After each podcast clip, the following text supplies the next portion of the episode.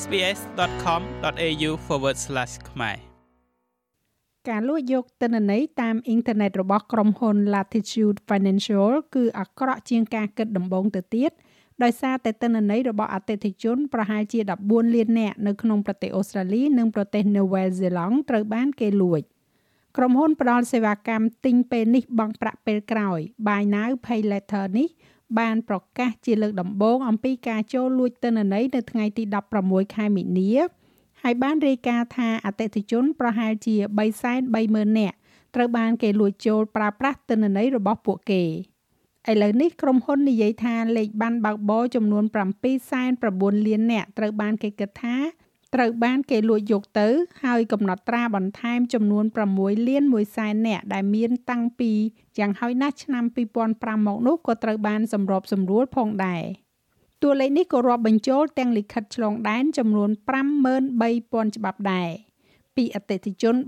330,000នាក់ទៅ14លាននាក់ការលួច hack ចូលក្រុមហ៊ុន Latitude Financial នេះគឺធ្ងន់ធ្ងរជាងការរាយការណ៍ដំបូងឆ្ងាយណាស់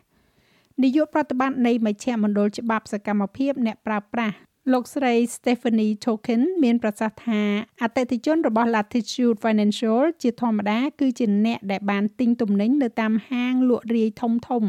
ដែលមិនចាំបាច់មានប្រាក់កក់និងមិនយកការប្រាក់ក្នុងរយៈពេលណាមួយ So uh, you have a a group of ដូច្នេះអ្នកមានក្រុមមនុស្សមួយចំនួនដែលជួបប្រទះនឹងភាពងាយរងគ្រោះដែលឥឡូវនេះឯកសារអត្តសញ្ញាណរបស់ពួកគេត្រូវបានគេលួច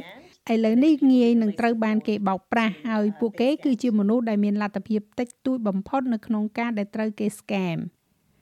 សាស្ត្រាចារ្យ Senjay Cha មកពីវិទ្យាស្ថានសន្តិសុខអ៊ីនធឺណិតនៅសាកលវិទ្យាល័យ New South Wales មានប្រសាសន៍ថាចាំបាច់ត្រូវតែមានតម្រូវការផ្នែកច្បាប់ខ្លាំងក្លាជាងនេះ។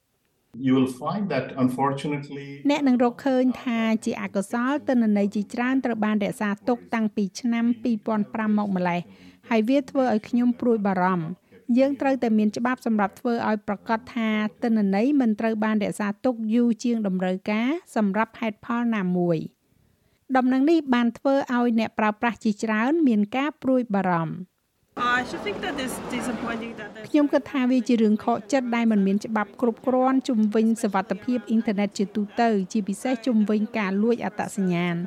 ដូច្នេះប្រកាសជាជំរុញឲ្យប្រទេសអូស្ត្រាលីផ្ដោតទៅលើច្បាប់ហើយពិតជាសិក្សាអំពីបច្ចេកវិទ្យាដែលនឹងមកដល់ problem is we seem to all be an open book at the moment every បញ្ហាគឺយើងគិតថាយើងទាំងអស់គ្នានឹងក្លាយទៅជាសៀវភៅដែលបើកចំហមួយក្បាលនៅពេលនេះ ពេលដែលអ្នកលើកទូរស័ព្ទឬក៏ iPad ឡើងទិន្នន័យរបស់អ្នកត្រូវបានលាតត្រដាងទៅកាន់ពិភពលោកដូចគ្នាដែរដូច្នេះខ្ញុំមានការបារម្ភប៉ុន្តែខ្ញុំគិតថាមានការរំលោភបំពានជាច្រើននៅពេលនេះនៅក្នុងសេចក្តីថ្លែងការណ៍មួយនាយកប្រតិបត្តិ Latitude Financial លោក Ahmed Fahar និយាយថាក្រុមហ៊ុនសំទោសដោយចិត្តស្មោះរដ្ឋមន្ត្រីក្រសួងសន្តិសុខអ៊ីនធឺណិតលោកស្រី Claire O'Neil មានប្រសាសន៍ថាការបំពានទិន្នន័យនេះធ្វើឲ្យមានការព្រួយបារម្ភយ៉ាងខ្លាំង។ ក្រសួងការបរទេសនិងពាណិជ្ជកម្មបានបញ្ជាក់ថាលិខិតឆ្លងដែនដែលរងផលប៉ះពាល់ដោយសារតែការរំលោភបំពាននេះនៅតែអាចប្រើប្រាស់បានលោកស្រី Stephanie Token មកពីមជ្ឈមណ្ឌលច្បាប់សកម្មភាពអ្នកប្រើប្រាស់និយាយថាបន្ទាប់ពីឧបទ្ទហេតុលើក្រុមហ៊ុនទូរស័ព្ទជា Optus និងក្រុមហ៊ុនធានារ៉ាប់រងសុខភាព Medibank កាលពីឆ្នាំមុននោះវាបានคล้ายទៅជានិន្នាការគួរឲ្យព្រួយបារម្ភ You can see how people really sadly are in the position where អ្នកអាចមើលឃើញពីរបៀបដែលមនុស្សពិតជាគួរឲ្យសោកស្ដាយដែលស្ថិតនៅក្នុងទីតាំងដែលអ្នកមិនអាចទុកចិត្តមនុស្សដែលកំពុងតែហៅទូរស័ព្ទមកអ្នកផ្ញើអ៊ីមែលមកអ្នកទៀតទេពីព្រោះថាយើងមិនមានការឆ្លើយតបដែលសម្របសម្រួលនៅក្នុងកម្រិតឧស្សាហកម្មដើម្បីធ្វើអ្វីមួយអំពីការទប់ស្កាត់និងតាមចាប់ scam នោះឡើយ